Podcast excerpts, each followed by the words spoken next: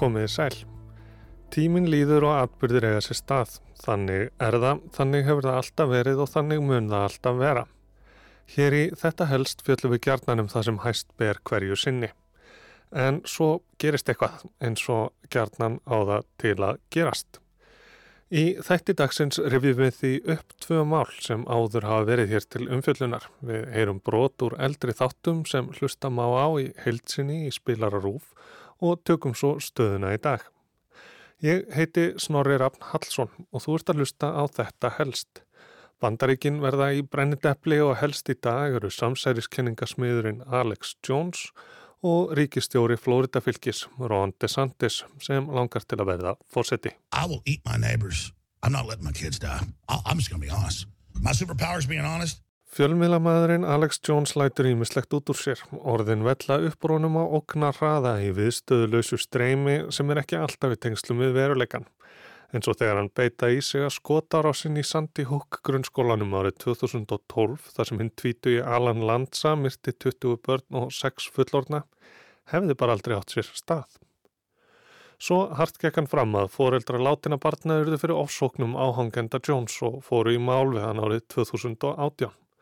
Þau vildu bætur en líka að hann hætti einfallega ljúa um árásina sem svifti þau börnum sínum. Þórhildur Ólafsdóttir fjallaði um Alex Jones og málaferlin hér í þetta helst 9. ágúst í fyrra. Hvað er áhegilega að byrja?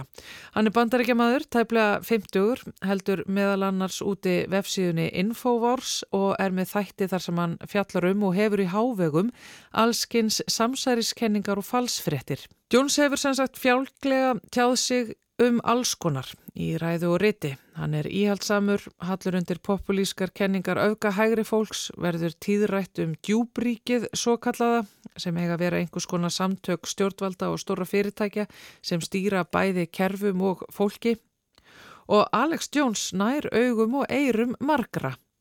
Vefsíður hans og útvarstættir eru vinsælir.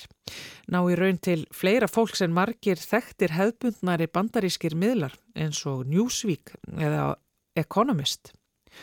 Og það er ekki bara samsæriskenningar og falsfrettir sem Alex Jones ber á borð fyrir áhagnendur sína. Hann selur líka alls konar varning sem hann auglýsir grimt meðfram allri vittlesunni, til dæmis megrunarvörur, alls konar fæðubótarduft, tangkrem og uh, svo kallar heilapillur. Þetta dót allt sem hann er að selja tengist í raun oftar en ekki því sem hann er að fjalla um. Allt sett fram með þeim hætti að með því að gleipa í sig þetta duft eða hina pillu komist fólk hjá því að verða fyrir efnahagslegum og heilsufarslegum afleðingum alls þess sem djúbríkið stendur fyrir. Alex Jones kemur víða við í málflutningi sínum. Hann hefur fjallað um að hriðiverka árásörnar 11. september hafi verið gerðar með vitund og vilja bandarískra stjórnvalda. Hann hefur rætt við fólk sem afnettar því að helfurinn hafi gerst. Hann hefur fjallað um tunglendinguna og þetta efast um hana og hann sagði að skotárasinn í Sandy Hook barnaskólanum væri lígi. Leikþáttur, uppspunni settur á svið af fólki sem vilji eiðilegja stjórnarskrárvarin rétt bandaríkjamanna til að eiga og beita skotvotnum.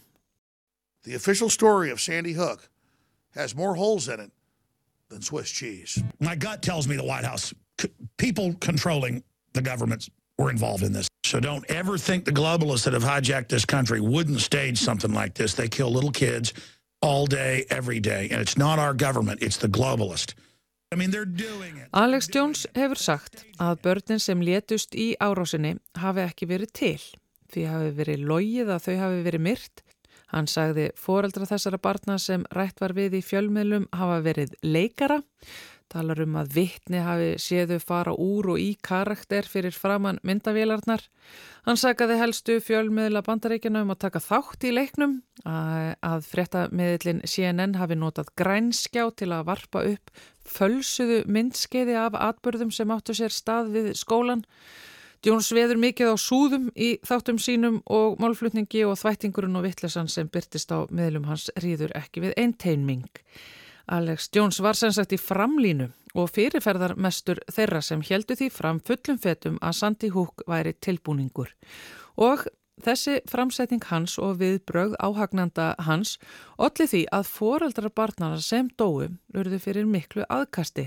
Scarlett Lewis og Neil Heslin mistu svonsinn hinn sexara Jesse Lewis í árásinni og þau ásamt fleiri fóreldrum hafa farið í málaferli gegn Jones fyrir ærumeyðingar og legar.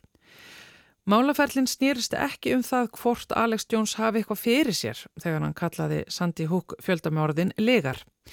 Því þessi átakanlega árás gerðist því miður svo sannarlega heldur snýrist málaferlin nú um bætur að með framferði sínu hefði Alex Jones skapað foreldrum litla Jesse Lewis miska og útbíjað minningu hans. Alex Jones hefur gefið það út að réttarhöldin sé að sökkvonum, fjölmiðla veldi hann sé gjaldþróta. En Alex Jones stór græðir á legum. Það hefur verið sínt fram á að fyrirtæki hans eh, veldir miljörðum bandaríkjadala og að hann hafi farið mikinn í að færa til fjö fyrir réttarhöldin mögulega í þeim tilgangi að koma peningum undan verði af sektargreðslum. Alex Jones var fyrir helgi sakfeldur af kviðdómi og dæmdur til bóta. Að vísu bara brota brota af því sem foreldrar Jesse Littla Lewis höfðu farið fram á en þau fögnuðu samt innilega og sögðu meðirðamálið hafa sendt skýr skilaboð um að stöðva verði gróðavæðingu falsfretta og lega. Þannig stóðu málun í ágúst. Jones var gert að greiða samtalstæpar 50 miljónir dollara í skadabætur og í oktober fjall sambærilegur dómur í máli sjö fjölskyldna Fornalambalandsa og eins FBI liða. Uppæðin sem Jones skuldaði rauk upp í miljard bandarækjadala og nokkrum vikum síðar bætti dómari halvum miljardi ofan á allt saman. Samtals er þetta rúmlega 200 miljardar króna á núverði. 57 million, 20 million, 50 million, 80 million, 100 million, blah, blah. You get a million, you get a 100 million, you get a 50 million. Heldur þetta fólki alvörunni að það fái þessa peninga, sagði Alex Jones þegar dómurinn fjall, en hann hefur gert allt sem í hans valdi stendur til að komast hjá því að greiða bæturnar. Verðmæti eigna hans er myndið á alltaf 270 miljónir dollara en hann hefur einhvað síður líst yfir gjaldþrótti, bæði persónulega og gjaldþrótti fyrirtækja sinna. Þannig hafa tvö meðiðamál til viðbótar tengt Sandy Hook sturt að býða þess að vera tekinn fyrir. New York Times gerði ítarlega úttækt á fjármálum Jones í vor. Þar kemur meðal annars fram að undanfarið ár hafi Jones fært stóran hluta egna sinna yfir til vina á fjölskyldu ásamt því sem hann gerir vel við sjálfan sig. Þegar hann bar vitni í réttaröldum í Connecticut í fyrra, eitti hann 80.000 dólarum í engaþóttu, lífverði og luxusvillu. Erfitt gæti reynst að endurheimta þær eignir sem Jones kom undan og lögum gjaldróti í bandaríkjunum setja fyrirtæki í forgang. Fjölskyldur fornalampa Sandi Húk árásarinnar eru því þeirri undarlegu og óþægilegu stöðu að geta Jones til að greiða þeim veldur á áframhaldandi velgengni Infowars sem halar inn um 70 miljón dollara á ári. Svo þau fái sínarbætur verður Alex Jones því að fá að halda áfram að selja hilsuduft og pillur og bjóð upp á sinn málflutning.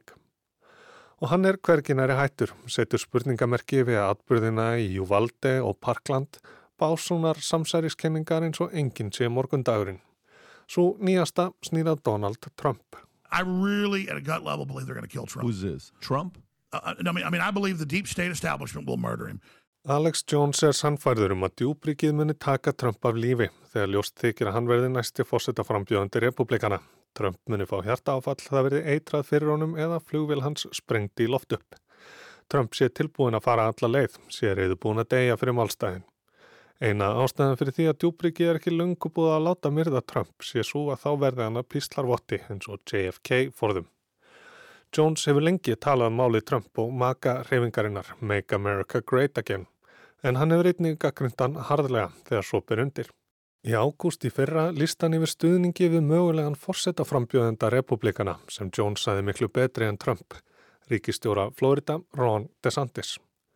Og þá komum við að síðara efni þáttarins, mögulegum fórsetaframbjöðanda republikana og ríkistjóra Florida, Ron DeSantis, sem er ekki hvað síst frægur fyrir andstöðu sína við sóttvarnir sem gerði hana einhvers konar frelsishetju meðal republikana. Ragnhildur Torlasíus fjallaði um DeSantis í þetta helst 12. september í fyrra.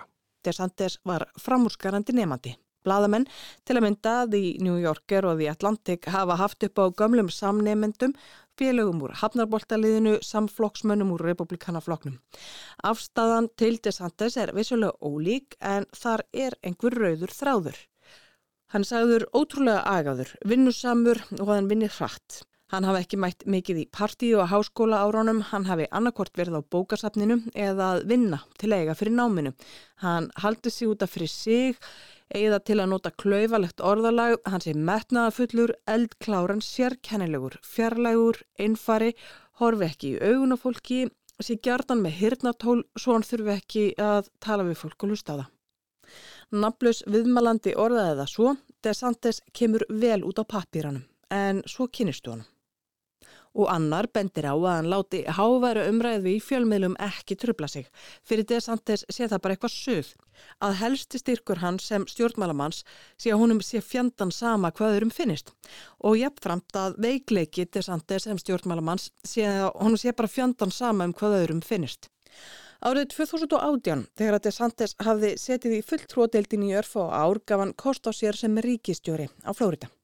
Hann hafði þá þegar vakið aðdegli á Fox News meðal annars hjá diggum aðdáanda þeirra stöðvar Trump fórseta, enda talaði DeSantis máli hans.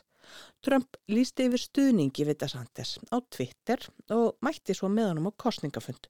Stuðningur við DeSantis raug upp í kjölfarið. DeSantis bar sigur úr bítum í kostningunum haustið 2018 og tók við sem ríkistjóri þriðja fjölumennasta ríkis bandaríkjana, Flórida, í janúar 2019. Þó að viðbröðin við COVID séu það sem helst hafi vakið aðtegli á DeSantis bæði ákvæð og neikvæð hefur hann unnið sér fleira til fræðar á undanförnum missurum. Grípum niður í heimskviðu þátt frá í mars, þar sem fjallað var um umdilt frumvarp sem DeSantis undirritaði svo, Florida Parental Rights in Education Act, sem af andstæðingum þess hefur verið kallað Don't say gay, ekki segja samkynhegð. Samkvæmt ný samþyktu frumarpinu verður bannað að ræða og fjalla um samkynhegð og transfólk í kennslu barna í leikskólum og allt upp í tíu ára aldur í grunnskólum. Frumarpið umdelda var samþykt með nokkrum yfirbörðum af þingmönnum Flóridaríkis. Stuðnisfólk breytingana heldur því fram að umræða og fræðsla um það að vera transmanniska eða að vera hinsegin eigi ekki heima í skólum landsins. Svo umræða eigi að fara fram heima. Kennarar eigi ekki að vera ræða við svo ungu börnum þessi mál.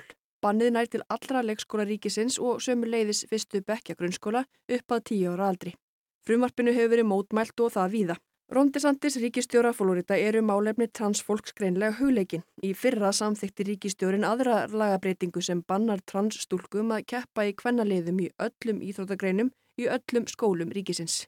And um, I can tell you this, in Florida, you know, girls are going to play girls sports and boys are going to play boys sports. That's what we're doing and we're going to make sure that that's the reality. Sem sagt, stelpur stunda stelpu íþróttir og strákar spila stráka íþróttir. Þannig ætla þau að hafa það þarna í Flórida, segir ríkistjórin. Í Flórida var hann endur kjörin með 60% atkvæða, fekk einni og halvri miljón fleiri atkvæðin mótherrin, en það sem meira er, hann var eiginlega tákgrætt sigurvegar í kostningana á landsvísu. Margir byggust við því að republikanar myndu rúla kostningunum upp, en svo gerðu þeir það ekki. Og þeim stjórnmálamönnum sem að Trump stutti sérstaklega gekk almennt ekki vel. Ron DeSantis fagnaði sigri eins og vera ber í siguræðu og þar gaf hann því undir fótinn eins og margar grunnar að hann stefnið hærra, stefnið að því að verða fórsæti bandarækjum.